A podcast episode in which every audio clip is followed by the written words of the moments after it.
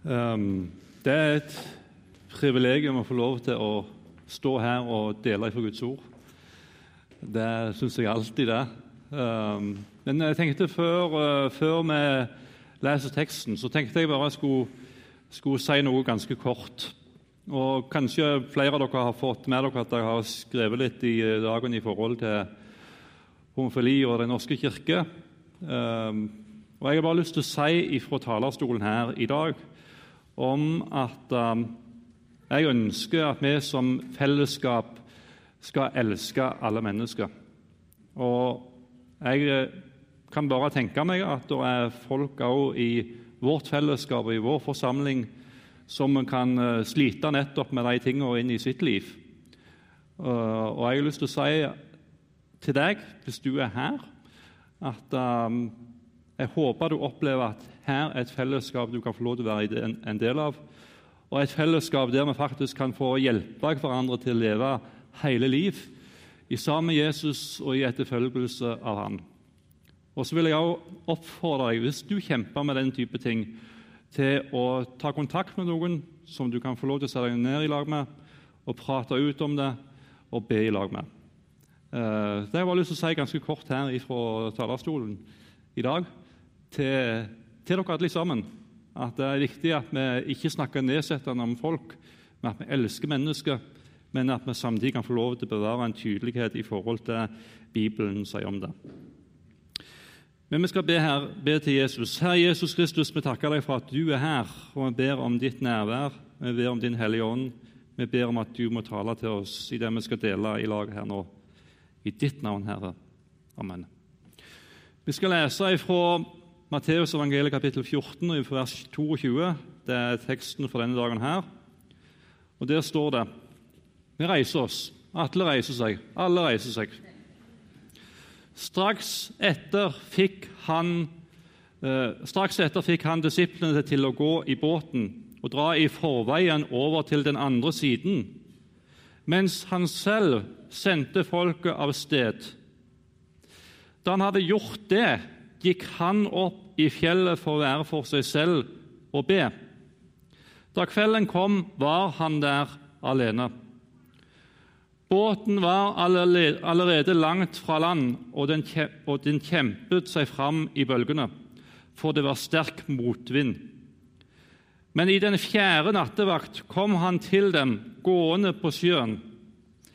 Da disiplene fikk se ham der han gikk på vannet, ble de skrekkslagne. Det er et gjenferd, sa de, og skrek av angst.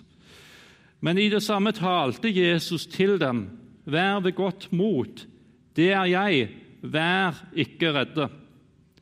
Da sa Peter til ham, Herre, er det deg, så si at jeg skal komme til deg på vannet. Kom, sa Jesus. Peter steg ut av båten og gikk på vannet bort til Jesus. Men da han så hvor hardt det blåste, ble han redd. Han begynte å synke og ropte, 'Herre, berg meg!'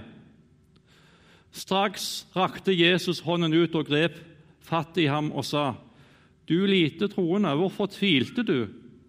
Så steg de opp i båten, og vinden stilnet.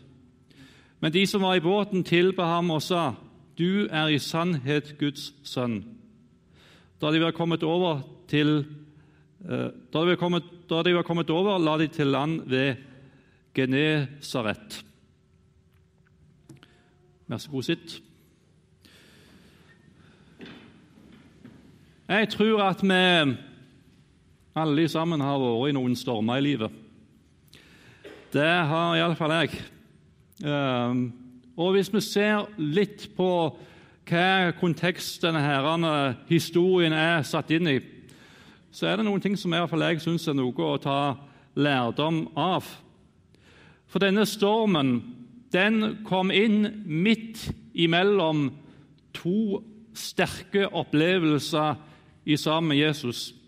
Rett før så leser vi om eh, så disiplene fikk lov til å være med på det store brød, brødunderet, der de fikk lov til å være med sjøl på å mette 5000 mennesker.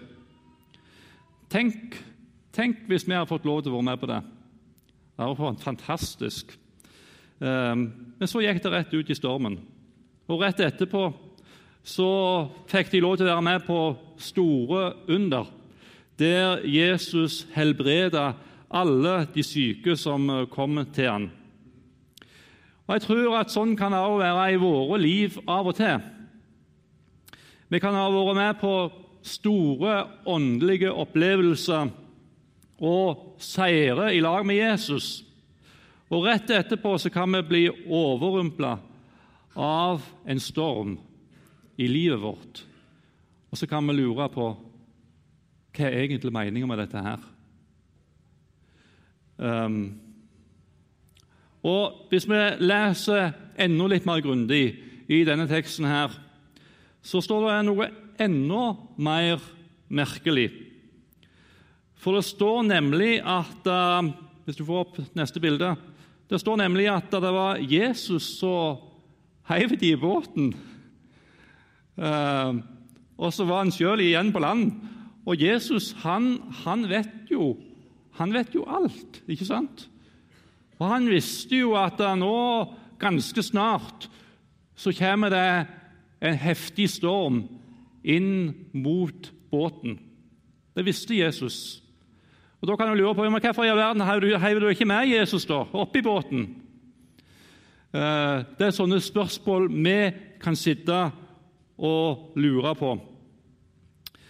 Um, og Av og til så kan det være nettopp sånn det kan oppleves når vi vandrer i sammen med Jesus.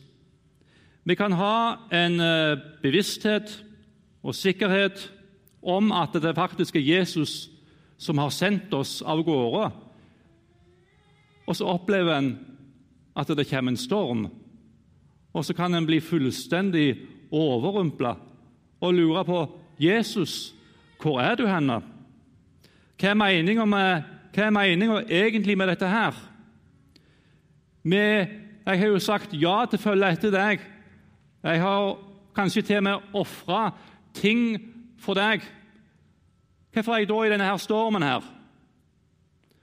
Og så lurer du på hvor i all verden er du henne, Jesus? Um, jeg har nevnt litt tidligere for dere når jeg uh, reiste fra det kjente, kjære, trygge hjemme nede i Rogaland og reiste opp til Nordmøre. Stokk alene. Jeg hadde sagt nei til noe. Jeg ville følge at Jesus, og jeg opplevde at Jesus kalte meg til å reise til, til et nytt område. Og Så kom jeg midt ut i en storm som jeg aldri hadde forventa å komme opp i. Og så kommer spørsmålet hvor er du hen, Jesus? Hvor er du hen? Og Sånn kan det av og til være i våre liv. En kan lure på hva er meninga med dette. Hvorfor har han ført oss ut i det en akkurat nå opplever? De skulle bare fra en plass til et annet. Og følelsen av eh, at Jesus er fraværende, den, eh, den Jeg tror for disiplene så ble den sterkere og sterkere etter hvert som tida gikk. Og spørsmålene som de hadde, de ble bare tydeligere og tydeligere opp i hodet. hode. 'Jesus, hvorfor fulgte ikke du med oss? Hvorfor er vi her alene?' Dette her går jo rett, uh, rett vest, som vi sier nede på Jæren. Uh, den opplevelsen tror jeg de satt med. Og Går vi til Bibelen, så finner vi nok av eksempel på mennesker som har opplevd akkurat det samme. Tenk på Josef som ble sendt som slave til Egypt og som endte opp, en, endte opp i ei fangehule. Jeg tror at eh, spørsmålene de må hagle inn i bevisstheten til Josef. Hvorfor er jeg her? Hvorfor har du ført meg her, til dette landet her? Men det ble til en velsignelse for han, og ikke bare for han, men for mange mange andre. Han forteller jo om det sjøl når han da treffer brødrene igjen seinere i 1. Mosebok kapittel 45 og vers 5. Vær nå ikke nedslått og anklag ikke dere selv fordi dere solgte meg. Det var for å berge liv at Gud sendte meg foran dere. Og Moses, som leder folket ut fra fangenskap i Egypt. En sterk kallsopplevelse. Hvem kan vitne om å stå framfor en brennende tornebusk, sånn som eh, Moses kunne fortelle om, og som opplevde store under ifra Gud når de da sto der i Egypt og skulle ut av landet? Og Så kommer de og går ut i ørkenen, og så begynner frustrasjonen å boble opp i folket. Og så kommer spørsmålet som faktisk går opp til Gud i 2. Mosebok kapittel 17, vers 3. Men folket tørstet etter vann. De klaget til Moses og sa, 'Hvorfor har du ført oss opp fra Egypt?' 'Vil du at vi og barna våre og buskapen vår skal dø av tørst?' Tenk den fortvilelsen han må ha opplevd der og da.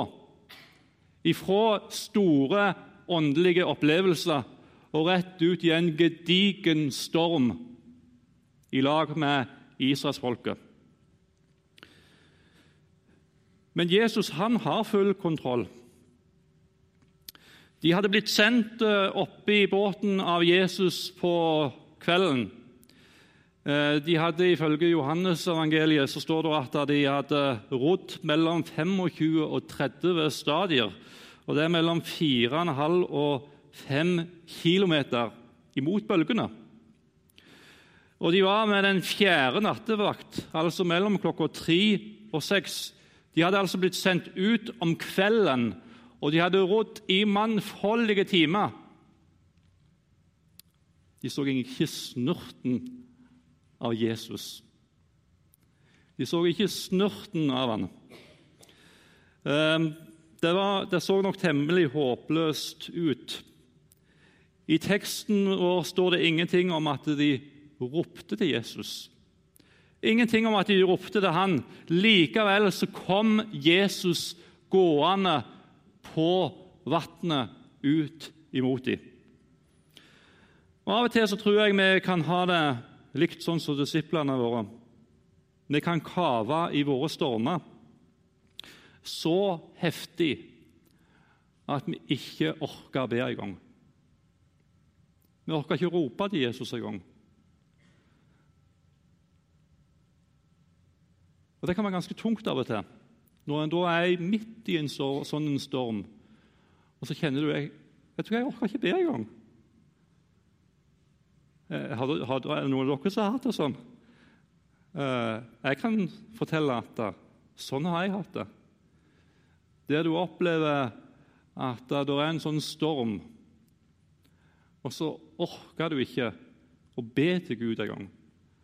Det er toppen av åndelighet, eller uåndelighet.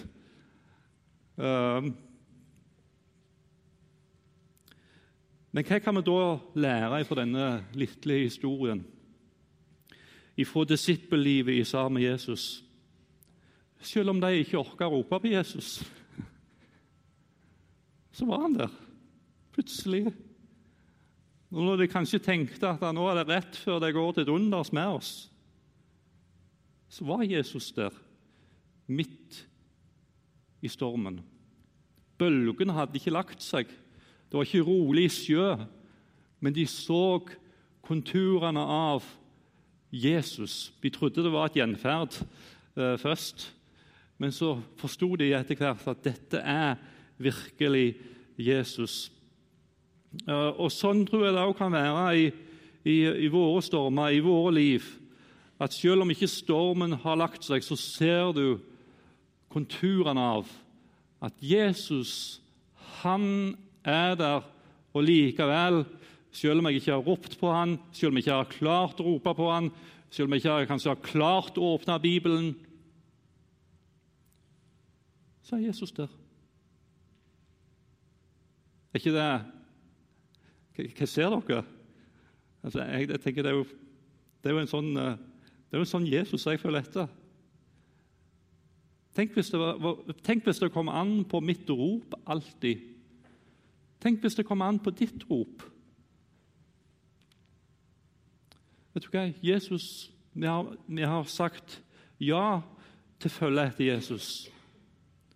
Og Jesus han sier ikke det til, til disiplene. Um, Se, jeg er med dere alle dager dere roper på meg. Nei, det er ingen sånne betingelser. Se, jeg er med dere alle dager inn til verdens ende. Og Da tenker jeg Jesus sa jeg der, også de dagene jeg ikke orker å rope til han, så er Jesus der, i mitt liv, midt i stormen. Um, David han er en mann som vi kan eh, lære utrolig mye av. Og Han opplevde å stå i uh, stormer mange ganger. Og der han, uh, der han kanskje så konturene av at Gud var der, men likevel så kjentes Gud veldig fjern. Um, hør hva han sier i, uh, i Salme 31, fra vers 12. Jeg syns det er ganske sterkt, det som står der. På grunn av mine fiender er jeg blitt til spott for mine naboer og til skrekk for mine kjenninger. Ganske sterke ord, det. De som ser meg på gaten, flykter for meg. Ikke mye håp. Og så hører han si jeg er glemt og ute av hjertet som en død. Det er ganske ærlig språk. Og det neste jeg er blitt som et knust kar. Han sto der midt i en storm og ser egentlig bare et sånn svart hull. Jeg er blitt som et knust kar. Det er meg. Og Sånn kan det oppleves i våre liv i lag med Jesus av og til. At en kjenner vet du hva, jeg er som et knust kar. Ikke, og, og, hva er det da? Det er ikke så mye mer igjen av det. Det var et kar, men nå er det knust. Men hør hva han sier likevel. Da står videre eh, Jeg hører mange som baktaler redsel på alle kanter. De samrer seg mot meg og lurer på å ta mitt liv. Men hør hva han sier. Men jeg, jeg setter min lit til deg, Herre. Jeg sier, du er min Gud. I din hånd er mine tider. Redd meg fra mine fienders hånd og fra mine forfølgere. Om du er midt i en sånn uh, storm i livet, så vil jeg du skal vite at, at selv om du ikke ser Gud Du ser ikke hvor han er henne, så er Jesus der likevel. Han har faktisk full kontroll. Av og til kan vi få følelsen av at nå går, det snart, nå går vi snart under. Men Jesus han er der likevel helt og fullt, og han ønsker å møte oss i våre liv. Um, jeg skal ikke holde på lenge i dag, um, dåp og nattverd. Men jeg har lyst til å si noe helt til slutt her nå om at Jesus han gjør det som er umulig. Eh, hva vi leser om videre i denne her fortellingen? her? Jo, Vi leser om at Jesus går på vannet, vi leser om at Peter går på vannet, vi leser om at stormen den stilner. Eh, og Det er ingen av oss som i egen kraft kan gjøre det Peter og Jesus gjorde. Eh, men i lag med Jesus og Jesus sjøl kan gjøre under. Hele Bibelen er en eneste stor fortelling om at den treenige Gud har all makt i himmel og på jord. Eh, noen ganger så griper Gud direkte inn uten noe innblanding fra mennesket. Andre ganger så bruker han mennesket til å vise sin kraft i en gitt situasjon. Og Bibelen den er full av eksempel om nettopp dette. Eh, vi ville aldri ha det her hvis ikke Gud hadde skapt verden. Isak hadde aldri blitt født. Det var jo en umulighet at Sara på 90 år skulle føde en sønn hvis det ikke hadde vært for Gud. Um, Israelsfolket hadde aldri tatt, inntatt Jeriko på den måten som de gjorde. Tenk å gå rundt den byen x antall dager, og så siste dagen skulle vi gå x antall ganger rundt den der byen, og så skulle murene falle. Hvem i all verden kunne fått til det? Ingen. Men Gud er mirakelets Gud. Gud er den som gjør under. David hadde aldri vunnet Goliat. Jomfrufødselen hadde aldri funnet sted. Alle undre som det fortelles om gjennom hele Bibelen og gjennom Nytestamentet fra Jesus og apostlene, de hadde aldri skjedd hvis det ikke hadde vært for Gud som gjør under. Og jeg tror, jeg tror, du har fått med deg noe av tegningen. Gud, han er underets Gud. Og Tar vi bort den biten fra Bibelen, så har vi ikke så veldig mye igjen. Uh, vi har ikke så veldig mye igjen hvis vi tar vekk den biten fra Bibelen. Men det er jo det hele Bibelen er et eneste stort vitnesbyrd om at Gud han er under oss Gud, og han griper inn sjøl, og han bruker oss mennesker til å gjøre under inn i den tida som en lever i. Men av og til så kan jeg, kan jeg Nå får du arrestere meg hvis jeg tar feil, da. Men av og til så kan jeg få inntrykk av at da vi leser om disse underne fra Bibelen som gode historier, om, om noe som er skjedd for, for tusenvis av år siden, og så tenker vi som så at da, vi lever i en annen tid i dag.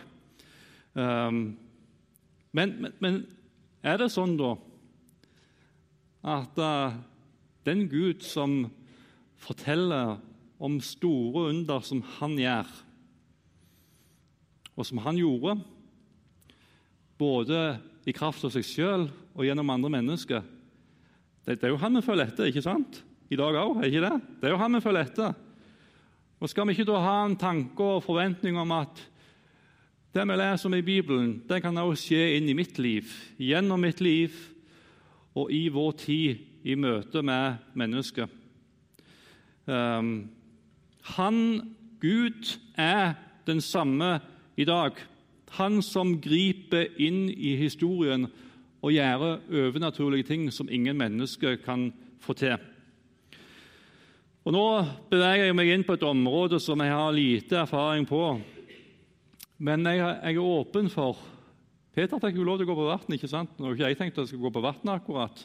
Eh, men, men, men, Gud kan jo gripe inn i vår tid, i våre omgivelser, på en overnaturlig måte. På samme måte som vi leser gjennom hele Nytestamentet og hele apostelens gjerninger. Og Det er et område som jeg har liten erfaring på. Men jeg er åpen for at Gud ved sin ånd og sin kraft kan få lov til å bruke meg, og at han også kan få lov til å gripe inn i vår tid helt alene og på egen hånd. Det står i, i, det er tatt litt ut ifra sin sammenheng, men så sier det noe om hva er det som virkelig bor i oss, fra Romerbrevet kapittel 8, vers 11. Men dersom Hans ånd som reiste Jesus opp fra, de døde, bor i dere. Da skal Han som reiste Kristus opp fra de døde, også levendegjøres deres dødelige legemer ved sin ånd, som bor i dere. Det er ganske heftig, det. Den ånd som reiste Jesus opp ifra de døde, den bor i oss.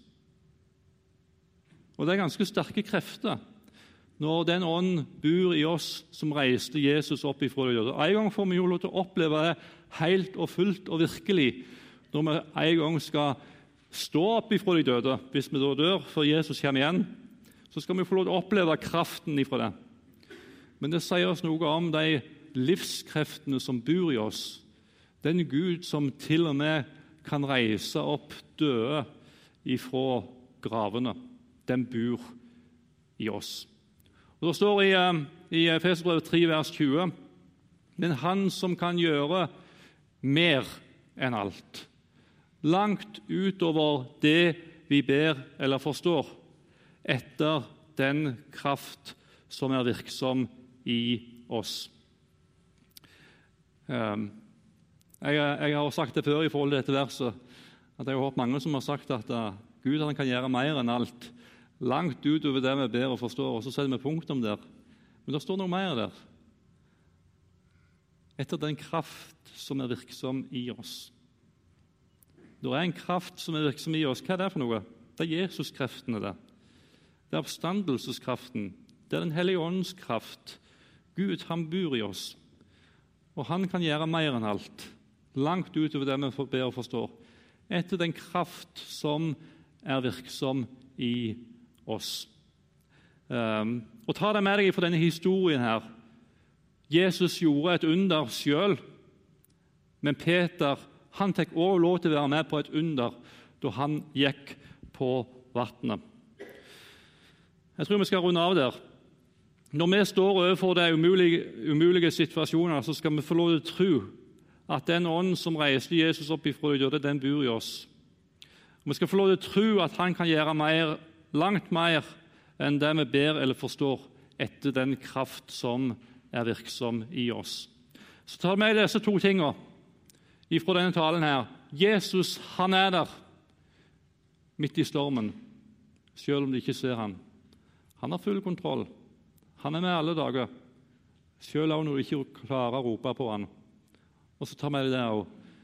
Jesus han er underens Gud, og han kan bruke deg til å gjøre under inn i vår tid. Og her, Jesus, jeg har lyst til å be deg om. Jeg har lyst til å takke deg for din allmakt. Vi har lyst til å takke deg for at du lever. Vi har lyst til å takke deg for at vi skal få lov til å følge etter deg. Og Nå ser du om noen av de som sitter her, er midt i en sånn livets storm, Herre. De klarer ikke å rope etter deg engang. Helt taust er det kanskje. Og Kanskje er det så stritt å leve at de ikke har kraft til å rope til deg. Jeg har lyst til å takke deg for at vi ikke skal tenke at vi er forlatt av deg, Herre. Og likevel, selv om vi ikke klarer å rope til deg, så er du der, Jesus. Jeg takker og priser deg, Herre, for at vi har en sånn Jesus å få lov til å følge etter. Og så ber vi at vi kan få lov til å se enda mer av hva du Herre, kan gjøre i våre liv og ut ifra våre liv til andre mennesker. Takk for at du er underets Gud.